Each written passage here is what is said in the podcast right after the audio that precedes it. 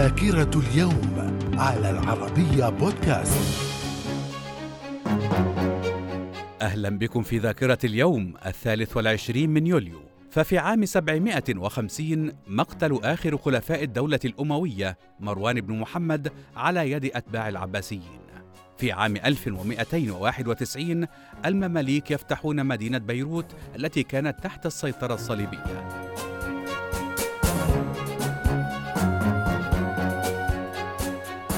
في عام 1999 ولي عهد المغرب الأمير سيدي محمد يتولى الحكم خلفا لأبيه الملك الحسن الثاني بعد وفاته ليصير اسمه محمد السادس. من الذاكرة. في عام 2001 ميغاواتي سوكارنوبوتري تتولى رئاسة إندونيسيا لتكون أول امرأة تصل إلى هذا المنصب في أكبر دولة إسلامية في العالم.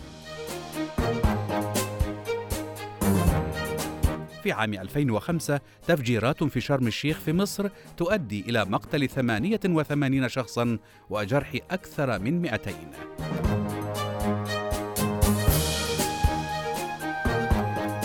ومن مواليد اليوم الثالث والعشرين من يوليو في عام 645 يزيد بن معاوية ثاني خلفاء الدولة الأموية. في عام 1775 إتيان لويس مالس عالم فيزياء ورياضيات فرنسي من الذاكرة. ومن وفيات اليوم الثالث والعشرين من يوليو في عام 1951 فيليب بيتان عسكري فرنسي ورئيس الدولة الفرنسية.